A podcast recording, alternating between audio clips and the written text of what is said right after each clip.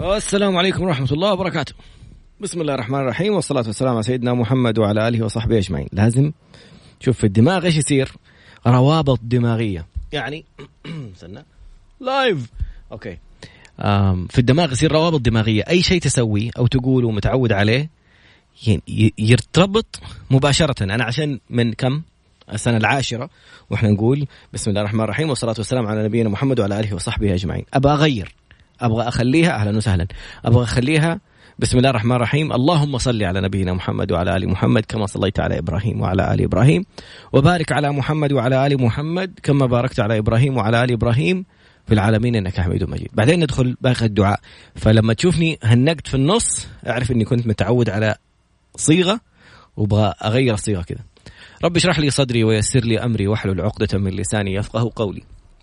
اللهم اجعلنا من الذين هدوا إلى الطيب من القول وهدوا إلى صراط الحميد. اللهم علمنا ما ينفعنا وانفعنا بما علمتنا وزدنا يا رب علما. عسى أن يهديني ربي لأقرب من هذا رشدا.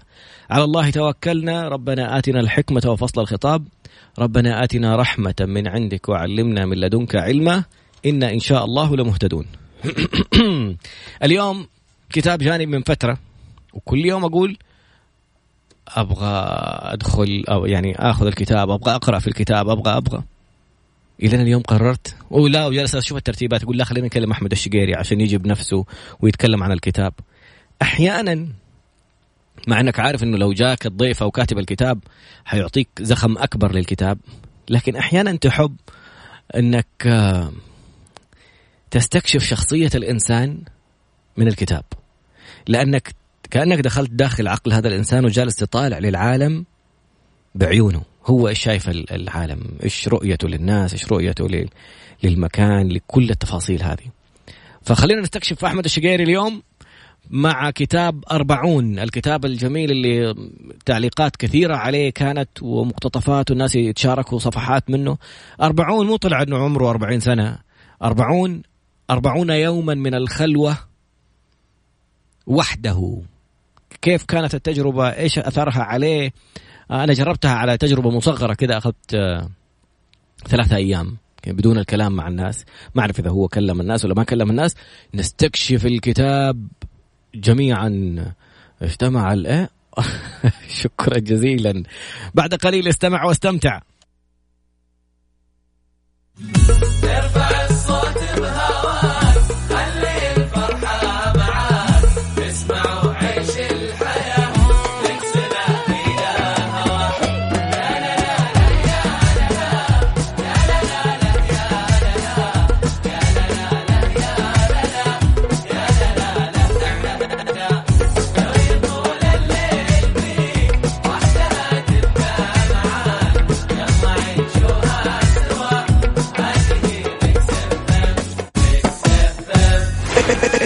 Mix FM من مدينة الرياض على تردد 98 سماعات خربانة طيحت الجوال. يعني حاط الجوال عشان طالعين على انستغرام وتويتر live تراد underscore B T R A D underscore B اليوم موضوع كتابنا اليوم اسمه أربعون للأستاذ أحمد الشقيري عادات المؤلف من هذا الكتاب.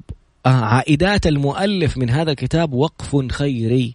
يعني ما بيبيع عشان أرباح مالية موقف العوائد الكتاب للعمل الخيري. جزاك الله خير. والله يا أستاذ أحمد.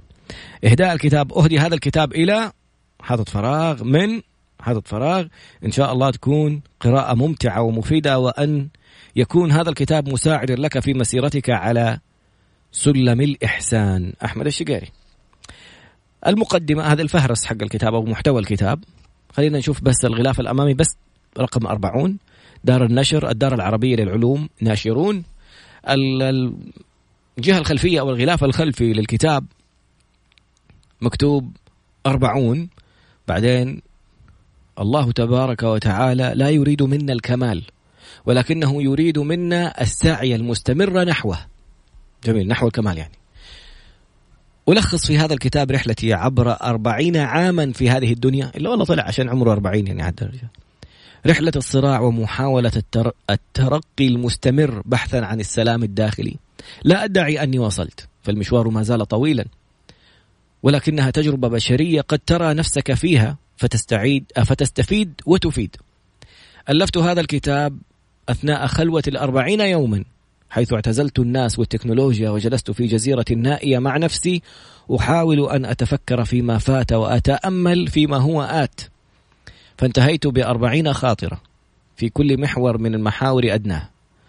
أربعين يوما من حياتي أربعون يوما مع قرآني أربعون يوما مع نفسي أربعون يوما مع تحسيناتي أربعون يوما مع قصصي أربعون يوما مع إلهي أربعون يوما مع كتبي.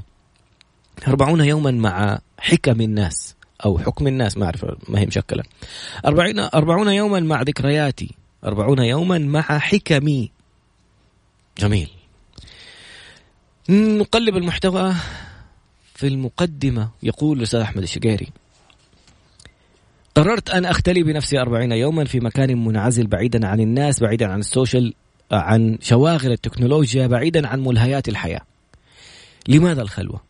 لدي قناعة أن الارتقاء الروحي وتحسين الصلة بالله لا يأتيان إلا بممارسة الخلوة. فلا أعرف نبيا أو مصلحا أو فيلسوفا أو أي شخص لديه ارتقاء روحاني عال إلا وقد مارس الخلوة في, ح... في مرحلة من مراحل حياته. وحتى الاعتكاف في العشر الأواخر من رمضان هو ضرب من ضروب الخلوة. كل إنسان لديه ما أسميه كلاكيع. عفوا. كل إنسان لديه يعني أحط كلمة عامية ما أسميه كلاكيع وهي عقد نفسية أو صراعات داخلية وهي فيروسات تعيق عمل الإنسان بإحسان تماما كما تعيق الفيروسات عمل الكمبيوتر بشكل سلس وسريع. الكمبيوتر إذا دخل فيه فيروسات كبيرة وعميقة لا يمكن إصلاحها إلا بوقف العمل اليومي على الجهاز وإرساله إلى خلوة الإصلاح. حيث تعالج هذه الفيروسات من جذورها. وأحيانا تكون هناك حاجة إلى ريفورماتنج يعني إعادة تهيئة الجهاز بالكامل. الخلوة للإنسان فيما أرى هي إعادة تهيئة لفيروسات النفس ومعالجتها. الفيروسات أنواع بعضها يمكن علاجه بتنزيل برنامج أنتي فيروس وهذا يمكن أن يعالج المشكلة أثناء عمل الجهاز بشكل طبيعي. لكن الفيروسات المستعصية الفيروسات المستعصية لا يمكن علاجها أو علاجها إلا بأخذ الجهاز إلى مكان إصلاح. وكذلك عقد النفس وذنوبه وضعفه. بعضها لا يمكن علاجه في أثناء السير في الحياة اليومية. ولكن توجد نقاط ضعف وصراعات وعقد متأصلة لدرجة أنه لا يمكن علاجها إلا بإعادة تهيئة بالكامل. وهنا يأتي دور الخلوة. الوقفة مع النفس لتلبي ذلك المطلب. في هذا الكتاب حاولت أن أكون صريحا بقدر المستطاع وهذه الصراحة في الحديث عن بعض صراعاتي في الماضي والحاضر ليست مجاهرة بالمعصية ولا افتخارا بها ولكنها مصارحة لتكون عبرة للقارئ لعلها تفيده في صراعاته هو. متى كانت آخر مرة جلست فيها 24 ساعة مع نفسك دون بشر ولا تكنولوجيا؟ إن لم تفعل جربها مرة. اعتبرها دورة روحية. في النهاية لولا وجود نماذج حقيقية وأمثلة واقعية لمن صارع وجاهد نفسه فكيف يمكن للناس أن تستفيد من تجارب الآخرين؟ فتتجنب الوقوع في نفس الأخطاء. البعض قد يقول أن مصارحتك ستعطي الشباب عذرا لكي يخطئوا ويذنبوا وأنا أرى العكس تماما. فعرض صراعات نفسية قد تساعد الشباب بإعطائهم أملا أن الإقلاع عن العادات السيئة ممكن وأني مثلهم تماما واجهت نفس الصراعات ونفس الشهوات التي واجهوها. أيضا المصارحة تقلل من تقديس الأشخاص وتهويل مقامهم وهذا يحصل أحيانا عند الشباب مع بعض المشاهير. فعلا تشوف واحد مشهور ولا نجح تحس كأنه نازل بأجنحة ملاك ما شاء الله. وأنا يهمني أن أضع نفسي في موضع البشري الطبيعي أمام الناس دون تهويل. أنا ترى التعليق هذا اللي في النص بالعامي تعليقي على كلام أحمد. وأنا يهمني أن أضع نفسي في موضع البشري الطبيعي أمام الناس دون تهويل ولا ادعاء مثالية غير واقعية. فكوني باحثا عن الكمال لا يجعلني كاملا. وكوني محبا للإحسان لا يجعلني محسنا في كل ثانية من حياتي. فقد أغضب وأخطئ وأذنب أو أسهو وأنسى أو أتعب وأحبط. كلها حالات أمر بها أحيانا مثل أي بشر من لحم ودم. الله تبارك وتعالى لا يريد منا الكمال فالكمال له سبحانه. ولكنه يريد منا السعي المستمر نحو الكمال. ألخص في هذا الكتاب رحلتي عبر أربعون عاما في هذه الدنيا رحلة الصراع ومحاولة الترقي المستمر بحثا عن السلام الداخلي. فلا أدعي أني وصلت فالمشوار ما زال طويلا ولكنها تجربة بشرية قد ترى نفسك فيها. فتستفيد وتفيد. هذه بعد اللي قرأناها في مؤخرة الكتاب تفاصيل الأربعين يوم. املك التكنولوجيا ولا تجعلها تملكك في إشارات كذا عليها لمبات. الخلوة شروط الخلوة. لماذا الخلوة؟ لماذا أربعون يوما؟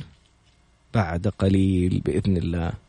يعني استشهادات جميلة ومقتطفات وإخراج الكتاب بالصور متعة. راح الوقت. جاءت الإعلان؟ جاء الإعلان. بعد قليل الفقرة القادمة. ولدي أنت؟ أيوة. طيب كويس إني ما كملت قراءة الرسالة. جات رسالة كذا نصية. نتابع بعد قليل كتاب أربعون للأستاذ أحمد الشقيري. عدنا مرة أخرى وحلقة اليوم كتاب أربعون للأستاذ أحمد الشقيري وعجبني في الكتاب حاطط المحتوى ما شاء الله كتاب كذا عميق يعني عميق ودسم. كم صفحة؟ آه 265 يعني 261 صفحة. 267 صفحة. المهم في فكرة حلوة كاتبها في بداية الكتاب أول مرة أشوفها. كيف أقرأ هذا الكتاب؟ يقول لك لا يوجد تسلسل معين للأقسام فبإمكانك البدء بالقسم الذي يهمك أولا. أيضا لا يوجد تسلسل في المقالات في داخل كل قسم باستثناء قسم مع نفسي حيث أن قراءة المقالات بالتسلسل ضروري للفهم. أقترح عليك بدء القراءة بالتسلسل الحالي للأقسام ولكن لا تجبر نفسك على ذلك. فالمهم أن تقرأ ما يمس قلبك وفكرك بغض النظر عن الترتيب. وأقترح إن لم, ي... إن لم تعجبك مقالة معينة فلا تتخطى القسم بالكامل بسببها ولكن انتقل للمقالة التي بعدها. فقد يكون فيها ما تحتاجه. إن الصور في الكتاب مرتبة حسب تسلسل رحلة الخلوة. الكتاب مكتوب بلغة فصحى وأحيانا فيه شيء من العامية للتبسيط.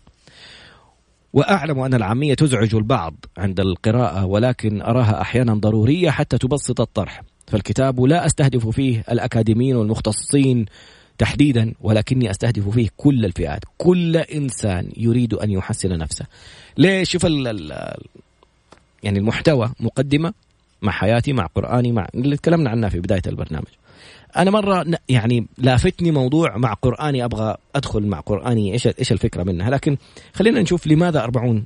أنا ح- سأقفز أنتقي ما يلفتني من الكتاب. تحب أنت سمعت من الأشياء هذه شيء تبغى تبغاني أقرأه على الهواء؟ أرسل لي على على الواتساب 054 ثمانية ثمانية واحد واحد سبعمية. هذا الواتساب حق البرنامج. صفر خمسة أربعة ثمانية ثمانية واحد واحد سبعمية. أهلا وسهلا. صوتي قريب من ياسر واحد يقول لي هلا ياسر أنا طراد. طيب. آه لماذا أربعون يوما؟ لماذا الخلوة؟ قلنا لماذا الخلوة؟ قرأناها في في بعض المقتطفات. خلينا نشوف لماذا أربعون يعني. في ناس قال ثلاثة أيام في ناس قالوا سبعة أيام في ناس قالوا أربعين يوم. خلينا نشوف أحمد إيش يقول.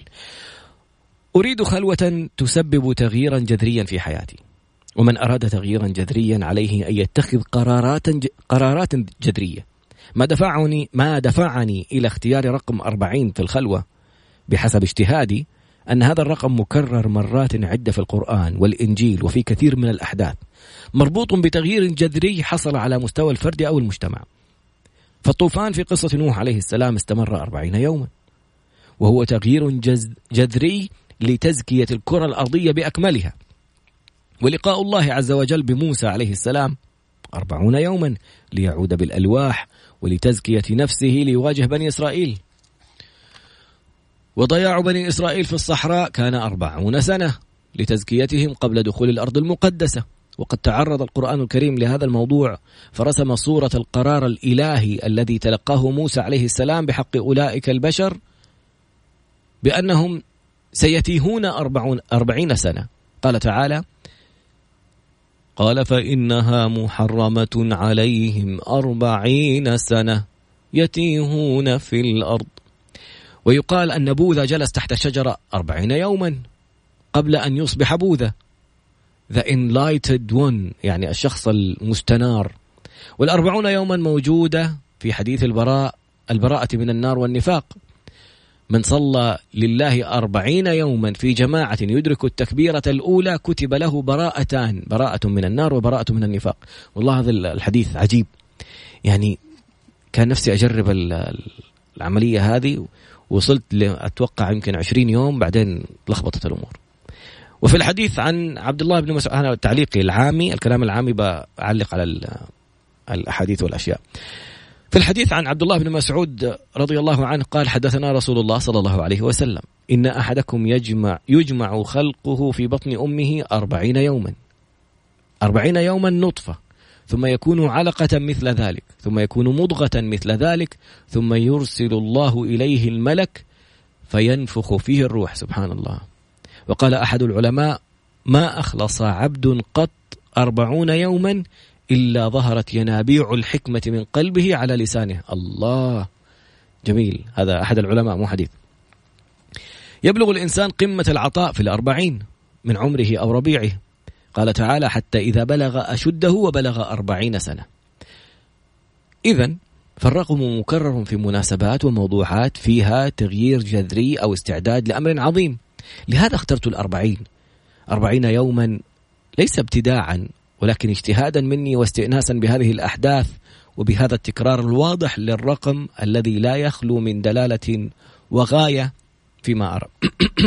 في النهاية كل شخص يختار المدة التي تناسبه ويراها معي... معينة لمسعاه واختياري هذا ليس ملزما لأحد. أهداف الخلوة طب جميل أنه حاطط أهداف. إيش أهداف الخلوة؟ في الفقرة القادمة بإذن الله ملفت موضوع رقم 40 أنا الثلاث أيام اللي أخذتها بناء على أمر الله لسيدنا زكريا.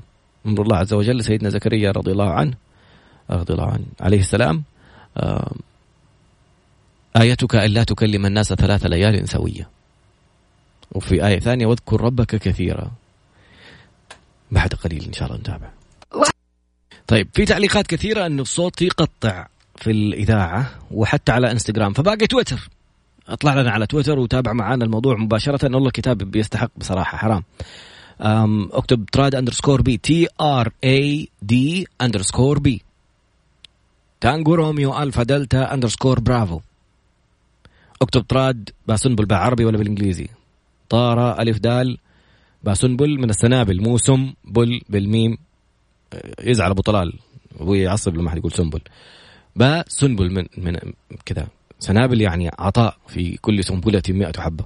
طيب نرجع لموضوع الكتاب الجميل للأستاذ أحمد الشقيري عرفنا لماذا أربعون ولماذا الخلوة.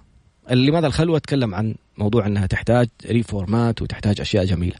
أنا أسمح لي بما أنه جالس إلى الآن ما جات رسالة يقول فيها أحد يبغى باب معين. أحمد آه، السقاف السيد أحمد أهلا وسهلا.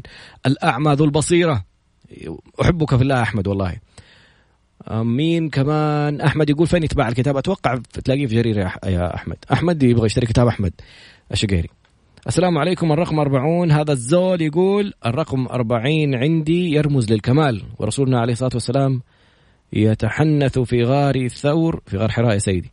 أنا أحب كثيرا الخلوة الجلوس لوحدي. عندما أفكر في موضوع أو مشكلة أعزل نفسي حتى أجد الحل. والله كلام جميل يا زول. غار ثور كان في الرحلة من رحلة الهجرة من مكة إلى المدينة الصوت يقطع طيب قلنا على موضوع الصوت يقطع آسفين جدا والله كلمنا الشباب في ال IT نشوف إيش المشكلة وقالوا شغالين على الموضوع إن شاء الله. فتابعنا على تويتر. جميل. نرجع اسمح لي أقفز على أنا وقرآني ولا أربعون يوما مع قرآني. ليش؟ لأنه سبحان الله يعني في الثلاث أيام اللي بس أنا أن- اعتزلت فيها أحس كأنه أحد جالس يقول لي تفسير الآية بال- بالقرآن. يعني من القرآن تفسر نفسها ترجع تشوف الكلمة هذه فين تكررت تلاقيها تكررت كأنها توصف الشرح.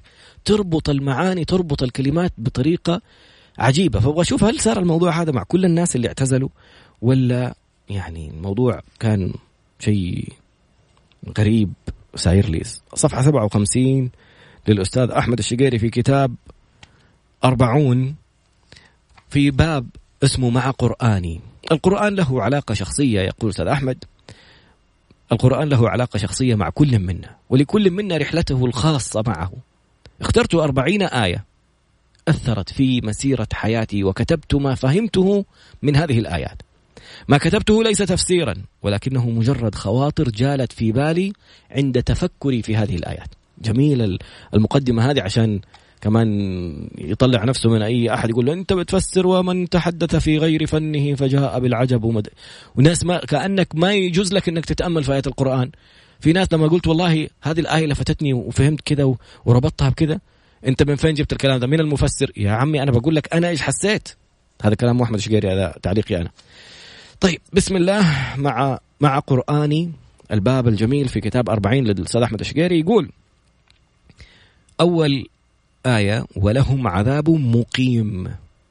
أحيانا تشكل علي بعض الآيات والمفاهيم في القرآن. وعادة أبحث في التفسيرات وأع... وأعمل عقلي وأفكر فأجد تفسيرا يريح قلبي ويدخل عقلي ولكنه أحيانا ولكن أحيانا تشكل علي الآية ولا أستطيع فهمها عقليا ابدا.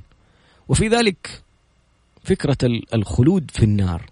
فعقلي يقول إن الإنسان إذا عاش ستين سنة ثم خلده الله في الجنة فهذا مفهوم فهو برحمته في برحمته فهو برحمة الله وكرمه ولكن أن أعيش ستين سنة ثم يعيش في النار إلى الأبد فهل هذا من العدل؟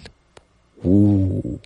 سؤال والله عميق فكرت وبحثت في التفاسير ووجدت أن علماء آخرين أشكل عليهم الأمر نفسه حيث قال أحد العلماء بفناء النار وعلى الرغم من أن عقلي يريد أن يؤمن بهذا الرأي لأنه يظهر أنه أكثر عدلا إلا أن تحليل الآيات الذي أوصل لهذا التفسير لم يكن مقنعا قط.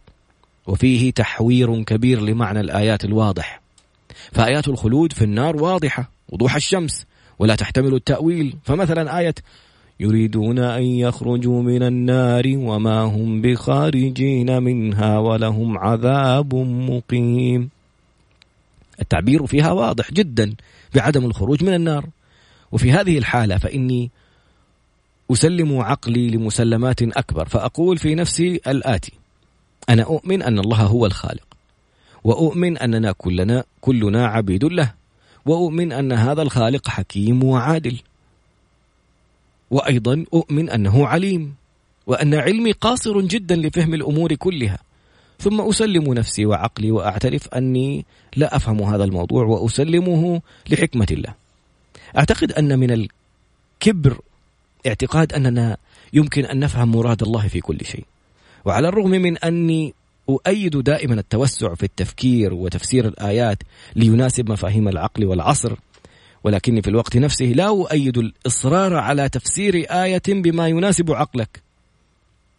عن طريق تفسير بعيد جدا وغير محتمل من معنى آية شديدة الوضوح ليس فيها مجال. وهذه الآية والآيات الأخرى عن خلود أهل النار في النار هي من الآيات الشديدة الوضوح التي يقف عقلي عاجزا أمام فهم حكمتها أعترف أن هذه الحالة تأتيني نادرا جدا وفي القرآن كله توجد بضع آيات أشكلت على عقلي ولم أستطع فهم العبرة منها فلن أذكرها حتى لا أشوش فكر القارئ. ولكن ضربت مثالا بهذه الآية فقط لأوضح المبدأ.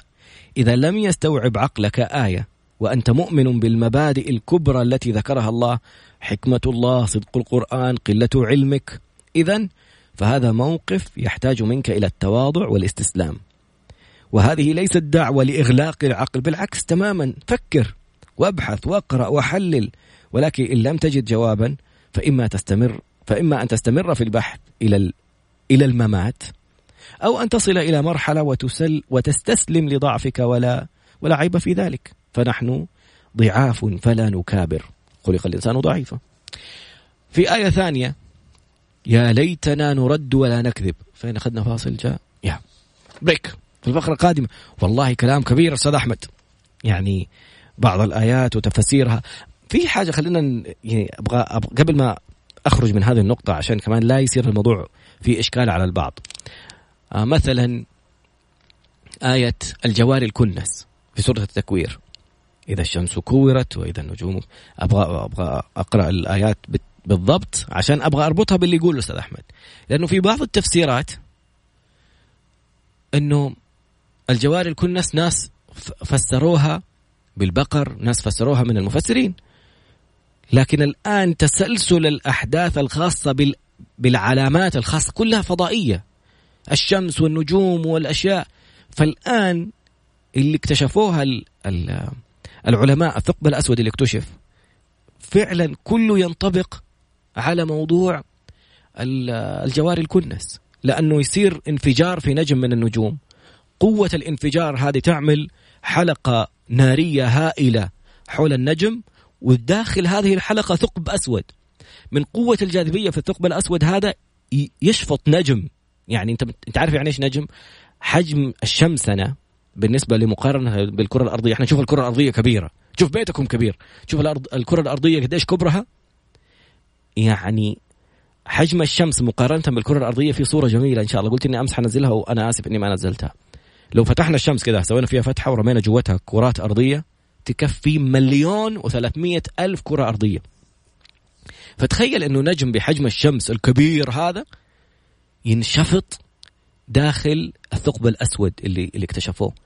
لقيوا حركة عجيبة للنجوم جالسة ترقص كذا تتحرك بحركة غير طبيعية بعدين تختفي. فين بتروح؟ داخل الثقب الأسود. فين يودي هذا الثقب الأسود؟ الله أعلم. فمو عيب إنك تبحث وإذا ما فهمت الآن ممكن شيء يكتشفوه مستقبلا. يعني ربنا قال سنريهم آياتنا في الآفاق. سنريهم يعني لسه في أشياء حنوريهم. أنت محمد عليه الصلاة والسلام ستموت بعد ما يموت لسه في أشياء حيشوفوها الناس. في في في البي بي سي طلع تقرير كامل عن سورة عن آية النور. الله نور السماوات آه مثل نوره كمشكاة فيها مصباح. في تفسير علمي للموضوع انصدموا منه. يقولوا كيف مين كيف محمد هذا الإنسان قبل 1400 سنة يتكلم في شيء في الضوء المتراكب نور على نور بعدين يطلع ال- الإضاءة ككوكب دري. كيف شكل الكوكب الكرة الأرضية ب إذا سلطوا عليه إضاءة معينة وكيف هذا النور وهذه الإضاءة تعطيك نفس ال- ال- النور إذا سلطت الضوء المتراكب على زيت الزيتون. يعني حتروح تفهمها منها أكثر وترجموها ناس كثير ما شاء الله. اكتب أم، الله نور السماوات والأرض بي بي سي في جوجل حيطلع لك الفيديو. عجيب. فالفكرة إنه في أشياء يمكن حتكتشف قدام ما نعرف. في أشياء يمكن ما نفهمها الآن نفهمها مستقبلا. في عالم مصري بيقول إنه جهنم هي الشمس. وربطها بال- بالموضوع إنه حجمها اللي بتكلم على مليون وثلاثمية ألف مرة أكبر من الأرض. وانفجار الشمس المتوقع اللي حيصير زي ما قلنا في نجم ينفجر في ال- اللي اكتشفوه الثقب الأسود. هذا عبارة عن نجوم متفجرة. يا نجمين يصقعوا في بعض يا نجم سبحان الله يجي وقته ينفجر ويسوي هذا هذه الهالة أو الحلقة إنه كيف الشمس مثلا لو انفجرت فين حتوصل حلقتها؟ إلى قرب الأرض. وهذا هذا هذه أشياء يعني عقلانيا تقول صح لما تيجي تربطها بإنه كيف الشمس ستدنو إلى رؤوس الخلائق. ما حتكون الشمس زي ما هي الشمس. يمكن هذا الانفجار اللي يصير إنها تصير زي الثقب الأسود وحلقة وتوصل يوصل يعني حرارة الشمس إلى مستوى سطح الكرة الأرضية. ويمكن إذا صار الموضوع هذا وراح الغلاف الجوي. شوف الفيديو اللي موجود على اليوتيوب اللي بيقول لك لو اختلف توازن الأكسجين لوحده بس في الغلاف الجوي إيش حيصير؟ كل علامات الساعة. الأرض حتنشق والمباني حتنهد والجبال حتصير تراب وال... كل اللي جالس يقوله هو اللي- اتقال في الأحاديث. ففي أشياء إذا ما فهمت تفسيرها وما اقتنعت وما ما استوعبها عقلك فأنت صح. يعني يمكن ما إحنا مستوعبين علم الله أعظم وأكبر. الآيات هذه اللي شافوها في البي بي سي مستغربين علم الله أبعد إحنا في أشياء لسه ما اكتشفناها.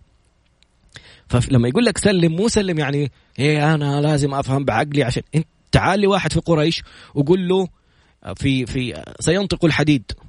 حيقول لك إيش ماذا يقول محمد؟ شوف السماعات طاحت سماعتي حقت ال- ال headphone فطلعت هذا ألاقي حديدة جوا. إحنا بنسمع أصوات الناس اللي كأنه بينطق الحديد في السماعات. أفتح ال speakers حق السماعات وشوف وصلة حديد اللي بيطلع منها الصوت لما يقول لك يقرب البعيد قل له رحلة الشتاء والصيف سنركب أنبوبا معدنيا يركب فيه 300 شخص يسافرون إلى الشام في ساعتين أو ثلاث. يقول لك أمجنون أنت؟ ماذا تقول يا بلاب ليش؟ يعني مو مستوعب أنه في شيء اسمه طيارة. بس عشان إحنا شفناها وعشنا وشفنا الناس وكيف تطور موضوع الطيارة من من عباس بن فرناس إلى الأخوان رايت إلى إلى مسار الطيارات ونفاثات وأشياء عجيبة بتصير. فالفكرة إنه في أشياء مستقبلا حتبان إحنا ما نفهمها الآن. اللي ما أنت فاهمه ترى عقلك ما وصل له. علم الله أعظم. ولا يحيطون بشيء من علمه إلا بما شاء. أنت ربي اختارك يعلمك حاجة. واللي ودليل إنه ربنا اللي اختار في سورة البقرة أيضا. ربنا بيقول عن داود عليه السلام ولما برزوا لجالوت وجنوده قالوا ربنا أفرغ علينا صبرا وثبت أقدامنا وانصرنا على القوم الكافرين فهزموهم بإذن الله وقتل داود جالوت وآتاه الله الملك والحكمة وعلمه مما يشاء. أربطها بسورة الب... بآية الكرسي. ولا يحيطون بعل... بشيء من علمه إلا بما شاء. ربنا يعلمك ما يشاء. أنت أطلب استهدي الله أطلب الهدى عشان يهديك. والذين اهتدوا زدناهم هدى. إنه مو الذين هدينا ما قال اللي هديناهم زدناهم هدى. لا الذين اهتدوا انت اللي جاي انت اللي تطلب انت اللي تقرب ربنا يعطيك. كتاب ممتع كتاب ملهم. في الفقرة القادمة أنا شكلي أكمل باقي الحلقة كلها في في في باب أنا مع, مع قرآني. من كتاب أربعون للأستاذ أحمد الشقيري. أستاذ أحمد ما هذا الإلهام؟ ما شاء الله تبارك الله. بعد قليل نتابع إن شاء الله. عدنا مرة أخرى وكتاب اليوم اسمه أربعون للكاتب مين أحمد الشقيري الإنسان العلم ما شاء الله تبارك الله. شخصية مؤثرة في ناس كثيرين. وأنا تأثرت جدا في باب مع قرآني. هذا الباب من كتاب أربعون للأستاذ أحمد الشقيري. نجي للآية الثانية. يا ليتنا. أول شيء خليني أرد على سؤال وصلني على الإنستغرام يقول يعني هل الثقب الأسود صحيح؟ طبعا يا سيدي طب أربعة مراكز فيها إيش يسموه هذا المس... مو مسبار كذا يعني اللي يشوفوا فيه الفضاء. أربع مراكز. كل مركز فيه مسبار خاص فيه عشان يجمعوا الداتا اللي اللي اللي أطلقت عشان يشوفوا هذا الثقب الأسود وفي النهاية طلعوا الصورة وأخذوا عليها جائزة نوبل. فموضوع طبعا موجود سبحان الله و يعني ترجع تلاقي الآيات. متى يكون شوف سيدنا إبراهيم عليه السلام طلب من الله إنه يبغى يشوف كيف ربنا يحيي الموتى. وربنا قال في في سورة ياسين لما يتساءل الناس إيش كانت الآية؟ قل يحييها الذي أنشأها أول مرة. ولما سيدنا زكريا تساءل عن إنه أنا كبير في السن وزوجتي ما تخلف ربنا قال هو علي هين وقد خلقتك من قبل ولم تك شيئا. أنت خلقك كبني آدم كإنسان أصلا؟ هذا معجزة في حد ذاتها. خلينا أديك مثال عشان توضح. لو في جدار ودفيت هذا الجدار وطاح. قلت لك هيا ارجع سوي لي الجدار مرة ثانية. موجود عندك البلوك وعندك الأشياء تقدر ترص الحجر فوق بعضه وتسوي جدار. لكن لو ما في جدار قلت لك يلا سوي لي جدار. طب فين الحجار؟ لا لا يلا سوي لي جدار انت سوي لي جدار. فين أسوي لك جدار؟ فالفكرة انه جسم البني آدم موجود. انت الجدار. مت طحت تحللت انت أجزائك موجودة في الأرض. فممكن تنجمع مرة ثانية. اللي اللي خلى المغناطيس تحطه كذا عند حديد ويلم الحديد عليه. ما يخلي خالق المغناطيس يقدر يجمعك. انت قدك موجود. بس أصلا تكوينك من نطفة ما ترى بالعين مجرد تطالع فيها في مجهر عشان تشوف الحيوان المنوي هو جالس يلق كذا يقط الشاشة يعني من يمين ليسار. هذه الحالة معجزة. انت كيف تكونت من هذه؟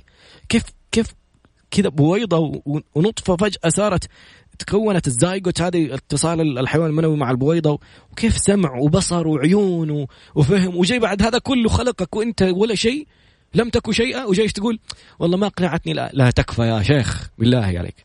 يعني ما نبغى الناس في النهاية إنه أنت لحالك تأمل في نفسك وفي أنفسكم أفلا تبصرون. شوف نفسك أنت لحالك معجزة يعني حتوصل لمرحلة إنه أعطيك مثال ثاني. خلصنا جالسين نقول أمثلة وخلص البرنامج وما مسكنا الكتاب.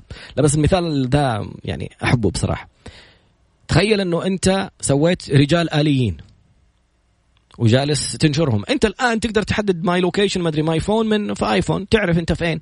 فين جوالك؟ في أي مكان؟ فين؟ ففي تكنولوجيا. يعني لو سويت رجال آليين والرجال هذول حطيتهم في أماكن مختلفة عندك control زي ما Apple عندها control لو يعرفوا فين كل جوالات iPhone عندك انت control ممكن تشوف هذا ال- الجهاز في المنطقة الفلانية خلصت بطاريته ولا هذا الجهاز لازم له صيانة ولا هذا الجهاز تعطل ولا هذا الجهاز صدم. سيارات الآن لو صدمت تدي إشارة لمركز الصيانة ولا تدي إشارة أ- Apple Watch الساعة لو أنت طحت تدي تدي اتصال ل 911 وتدي اتصال لأقرب شخص يعرفك وتقول له رسالة فلان طاح ولا فلان أغمى عليه ولا صار له شيء. قلبك نبضاته بتزيد برضو بال Apple Watch يقول لك نبضات قلبك اليوم فيها اضطراب روح راجع الدكتور. فشوف التكنولوجيا فين وصلت. فما بالك بك أنت يعني تبى تسأل اللي اللي علم البني آدمين التكنولوجيا هذه اللي وصلنا لها. ألا يعلم؟ ألا يسمع؟ ألا يبصر؟ يعني ما حيعرفك وإنت إنت داخل نفسك إيش جالس تقول؟ إذا الآن في أجهزة مسوينها البشر. إنه يستقبل الإشارة العصبية إنك تبى تحرك يدك وتكون يد صناعية فبإشارتك العصبية بتفكيرك تتحرك اليد. فما بالك بالخالق؟ يعني في النهاية أنت بني آدم أنت نرجع للكتاب. كتاب أربعون للأستاذ أحمد الشقيري باب مع قرآني. يا ليتنا نرد ولا نكذب. سبحان الله بعد كتابة مقالة ولهم عذاب مقيم بأيام تأملت في آية أخرى أخرجتني من التشويش الفكري حول مسألة الخلود في النار. فالآية تقول ولو ترى إذ وقفوا على النار فقالوا يا ليتنا نرد ولا نكذب بآيات ربنا ونكون من المؤمنين. في سورة الأنعام آية 27 فهذا موقف يظهر فيه الكفار الندم وهم في النار يطلبون فرصة أخرى في الدنيا. فقد يظهر بعلم الإنسان القاصر أنه منطقي بل ويظهر أيضا أن هؤلاء الناس طبيعيون بعد أن رأوا النار ولو عادوا إلى الدنيا فسيكونون من المؤمنين. فكيف يكفرون في الدنيا بعد أن ذاقوا النار؟ فكيف يكفرون في الدنيا بعد أن ذاقوا النار؟ هذا ما يقوله المنطق. ثم تأتي الآية الآتية كالصاعقة بل بدا لهم ما كانوا يخفون من قبل يفاجئ الله البشر بالحقيقة أن هؤلاء الكفار كانوا يعلمون الحقيقة في الدنيا ولكن كانوا يخفونها. فموضوع النار أمر كانوا يعلمونه جيدا. ثم تأتي الضربة القاضية لطلبهم ولو ردوا لعادوا لما نهوا عنه. يا الله هذه آية تهز الجبال لأنها توضح حقيقة هؤلاء الكفار. هؤلاء الناس عرفوا الحقيقة منذ البداية فهم ناس حتى بعد دخولهم النار لو ردهم الله إلى الدنيا وأعطاهم فرصة أخرى لعادوا مرة أخرى. بل هؤلاء ناس يكذبون حتى وهم في النار. وإنهم لكاذبون. يعني حتى وقت طلبهم في النار أن يردوا إلى الدنيا سيكونون مؤمنين. فهم يطلبون ذلك. وهم يكذبون في طلبهم. ويعلمون أنهم لن يؤمنوا. آية تزلزل الأركان في توضيح حقيقة هؤلاء الكفار فهم أناس تكبروا على الله فهي ليست مسألة عدم علم بالنار بل هي مسألة كبر وتحدي لله وعناد. ومن هنا يأتي استحقاق خلودهم, خلودهم في النار لأنهم أناس ميؤوس منهم معدنهم نتن لن يتغيروا وهذا يعطي بعدا مهما جدا لفهم كلمة كافر في القرآن. وإنها لفئة معينة محددة بمواصفات معرفة الحقيقة والكبر والعناد. وهذا يخرج أي إنسان لم يعرف الحقيقة أو لم يعاند ولم يكابر من هذا الوصف. جميل جدا أستاذ أحمد والله كلام رائع. يعني مرة ثانية من المخلد في النار الكافر. يعني عندك الدلائل. وأنت ما أنت معذور. اللي يجهل إلا من بلغ إحنا في آية إلا من بلغ اللي حيتحاسب اللي بلغ وعرف إنه في نار وفي جنة وفي كواكب وفي خلق وفي سيدنا إبراهيم. نرجع للآية ليش أعطيتك المثال حق الرجال الآليين والأشياء اللي ممكن أنت تقدر تكتشف إنه والله هذا بطاريته خربانه ولا هذا عندي يبغى له صيانة ولا أنت عندك يعني ماذر بورد تقدر تشوف فيها كل الأشياء هذه. صح؟ هل الرجل الآلي هذا يستوعب إنك أنت عندك كل هذه التقنية؟ هو رجل آلي فجأة لقي فجأة سيارة جات شالته ضبطته. أنت أرسلت له سيارة حقت صيانة. لقي أحد جاء غير له البطارية واو كيف هذا الإنسان العجيب؟ علم أن بطاريتي ستنتهي مكتوب عليك يا حبيبي في الجوال. تخيل الجوال هذا يتكلم ولا يطالع وأنت شايف إنه فجأة حطيته في الشاحن وهو جاي يبغى يخلص. كيف عرفت إني أنا كنت حخلص؟ لأنك حمرت صار لونك أحمر خلصت بطاريتك في إشارة. فالأجهزة المصنعة مننا كبشر ما تستوعب عقلنا البشري العظيم. أنت كبشر مخلوق ربك اللي خالقك ما تستوعب قدرة الله العظيمة. من أساسيات طلب سيدنا إبراهيم لما قال ربي أرني كيف تحيي الموتى. ربنا سأله قال أولم تؤمن؟ قال بلى ولكن ليطمئن قلبي. الطمأنينة في الإيمان درجة أعلى من الإيمان. إيمان بعدين طمأنينة ثم يقين. كيف اليقين هذا نوصل؟ لما ربنا وراه ملكوت السماوات والأرض. كيف وراه الله أعلم. ربنا عرج بالنبي عليه الصلاة والسلام إلى السماء. فوراه ملكوت السماوات والأرض. أنت الآن في مرحلة جالس تشوف الملكوت هذا. أدخل على حساب في في انستغرام اسمه بوس. ما أعرف والله إيش التكملة حقته. رائع جالس يجيب لك صور ومقارنات وتفاصيل. إن شاء الله إن شاء الله ربي أراد. اليوم أتواصل مع شيخ عبد الله المصلح ولا الم... هو المفلح ولا المصلح؟ حق الإعجاز العلمي ال- ال- الكتاب والسنة. يقول في أحد عالمات الفضاء. ما أعرف إذا هي أسلمت على يده ولا لا. من معلومة ذكرت في القرآن وفي الأحاديث وهم اكتشفوها في الفضاء. وصعقوا إنه كيف مذكورة في القرآن؟ كيف مذكورة قبل 1400 سنة وإحنا نفكر إننا اكتشفناها؟ فأنت لازم توقن بالله وتسلم لحكمة الله. قبل ما نروح في فقرتنا ال- الأخيرة أعجبني مقطع تكلمت فيه مع أستاذ أحمد الشقيري قابلته قبل فترة وكان كنا بنتدارس على موضوع أو بنتناقش في موضوع آية ال- الحكم المجهولة فيما يحصل في حياتنا. في سورة الكهف في ثلاثة مواقف. موقف خرق السفينة لما سيدنا موسى راح قابل سيدنا الخضر. خرق السفينة وقتل الغلام وبناء الجدار. هذه الثلاثة مواقف الخرافية العجيبة سبحان الله. كيف خرق السفينة لا تفكر خرافية أنا ماني مصدق بالله هذه آيات طبعا بس يعني جميلة. فخرق السفينة كان شافوه أصحاب السفينة إنه خرق لهم السفينة. بعدين جاء الملك اللي ياخذ السفن غصبا عن أصحابها. يعني ترك سفينتهم عشانها مخروقة. فهم زعلوا في البداية كيف صار فينا كذا ليش خرمت سفينتنا؟ بعدين شاف إنه الملك عدى وساب لهم سفينتهم قال الحمد لله إنه سفينتنا انخرقت. فأنت ما تعرف يعني الحكمة وراء ما يحصل معك. يغضبك أمر وهو في خير لك. وربنا راسل لك هذا الإنسان. شوف كيف سبحان الله يساعدك. النقطة الثانية الموقف الآخر الغلام. يجي شخص يقتل لك ابنك. ما أنت عارف مين أصلا أنت. في في الصورة ما في إنه والله هو راح قال لهم ترى ابنكم كذا وكان حيكبر. ما في. مات ابنهم مقتول وما هم عارفين مين اللي قتله وما تكملة القصة. ما ما تقال لهم هم كأبو أم. لكن في علم الغيب ربنا كاتب لهم حيجي ابن آخر. وهذا كان ممكن يصير يعني سيء وممكن يسبب لهم مشكلة وربنا. برحمة الله عشان أبوهما آه، يعني صالحين فهذا الطفل يموت وهو طفل فما يتحاسب يدخل الجنة؟ وربنا يرزقهم بابن صالح ويعوضهم عنه بس هم ما كانوا يعرفوا. صارت لهم المشكلة وهم ما هم عارفين. وفي ألطاف وأقدار خفية تنسج لك وأنت لا تدري. زي الجدار. كان لغلامين يتيمين في المدينة. هم فين الجدار كان؟ في القرية. هم كانوا من قرية وجدهم المدري كم كان إنسان صالح وبعدها أخذوا يعني عندهم جدار وتحته كنز وهم انتقلوا للمدينة. وأما الجدار هم إيش قال في, بداية ال- الآية؟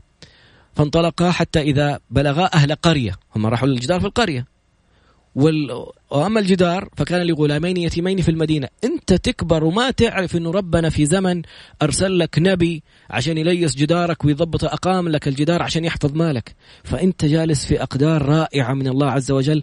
لا تدري ما يحصل من لطف الله لك وأنت لا تدري، هذه حاجة، الحاجة الثانية في أقدار تشوف أثرها وتقول الحمد لله، آه والله كنت زعلان بس. الحمد لله إنه ما صار، الحمد لله إني ما انقبلت، الحمد لله إني ما تزوجت، الحمد لله انه ما صار لي هذا الموقف، ما تزوجت الفلانة هذه. عشانك شفت الأثر، بس في أشياء هي خير لك وأنت ما تعرف. فكنا نتناقش في هذا ال ال الأمر. كنت مستمتع جدا. وسمعت الأستاذة نور الهدى في إنستغرام بتتكلم هذا الكلام وبتفسر الآيات هذه بنفس الآلية. إنها ثلاثة أنواع من الأقدار. شيء يحصل وأنت تشوفه وتعرف الحكمة منه شيء يحصل وأنت ما تعرف الحكمة منه وشيء يحصل وأنت ما تدري عنه كلها خير لك. بعد قليل نتابع إن شاء الله فقرتنا الأخيرة. يعني أنا مستمتع جدا. شكرا أستاذة منى على إهدائك لهذا الكتاب الرائع الجميل. كتاب أربعون للأستاذ أحمد الشقيري باقي. أقل من ثلاث دقائق على نهاية البرنامج. فماني عارف أخذ لك. فاذكروني أذكركم ولا أخذ؟ لن تستطيع معي صبرا ولا آخذ آيات أخرى. وكلام لن يخلقوا ذبابة ولو اجتمعوا له. يعني ولقد أرسلنا رسلا من قبلك لا خوف عليهم. ما أتوقع أنه حنقدر نغطي كامل التفاصيل أو كامل ال- الأشياء الجميلة في الكتاب. خلينا نشوف إذا في رسائل جاتنا على الواتساب. أحلى قبلة على أستاذ على رأس الأستاذ فيصل الكاف. والله يا أستاذ فيصل أستمتع لما أجي أشوف رسائل الناس اللي بيرسلوا لك إياها وأجي بعدك في البرنامج. شوف يا طراد من ها إيش هذا؟ خلق الإنسان ضعيفا. سبحان الله العظيم. صورة لجنين لم يكتمل. كيف التكوين الركبة سبحان الخالق. آه مساء الخير. الصوت بيقطع. الصوت بيقطع. كلمنا شباب ال IT. للأسف يعني الظاهر إنه في مشكلة تقنية. استمعوا عبر أوه جميل جدا. شكرا يا زول. والله فكرة جميلة. الناس اللي يقولوا صوتي يقطع بإمكانك تدخل على Mix FM SA dot com Mix FM SA dot com وتتابعنا على على الموقع اونلاين أو تدخل على TuneIn Radio وتختار Mix FM Radio عبر تطبيق TuneIn والله يا زول طلعت أنت تكنولوجي استمعوا عبر التطبيق المذكور اعلاه في الرابط. أهلا وسهلا. حاضر أنس. نطلع برا خلاص. في صوت نقي وإيش كمان؟ TuneIn قال. مين في الرياض لو تكرمت الأرسال؟ والله الظاهر إنه في مشكلة تقنية على جميع مناطق المملكة. نأسف لهذا الخلل التقني اللي صاير وشكرا للمتابعات الرائعة ال- والتعليقات الجميلة. أو حمل تطبيق Mix FM صح. حمل تطبيق Mix FM هذه فكرة أخرى كمان. شكرا جزيلا وإن شاء الله الحلقة بإذن الله حتكون موجودة على البودكاست الخاص ب Mix FM. وبكرة بإذن الله تكون الحلقة موجودة أيضا على قناة البرنامج في اليوتيوب. ادخل على طراد باسنبل في تويتر وحتلاقي رابط لقناة اليوتيوب حقت البرنامج فيها الحلقات كاملة. عاجز عن شكركم على التفاعل الجميل وشكرا جدا جزيلا. أكثر حاجة في الحياة الاستاذ أحمد الشقيري. على الخلوة الجميلة الله يبارك لك ويزيدك في علمه إن شاء الله و... ويديم عليك فضله. وينقي سريرتك ويجعلك خير مما نظن. ويجعلك يعني خليني أقول كلمة أنا نفسي تنقال لي يعني بيني وبيني. إنه ما نعرف كيف أعبر عنها لكن يجعل سريرتك أجمل من مما ظهر للناس. إن شاء الله كل الجمال اللي في شخصيتك وفي طرحك وفي كتابك يكون ما بينك وبين الله إن شاء الله أكبر ويكون حبنا لك عاجل البشرى بحب الله. الله يسعدك يا رب يبارك لك. شكرا جزيلا. شكرا منى على إهداء الكتاب. سبحانك اللهم وبحمدك أشهد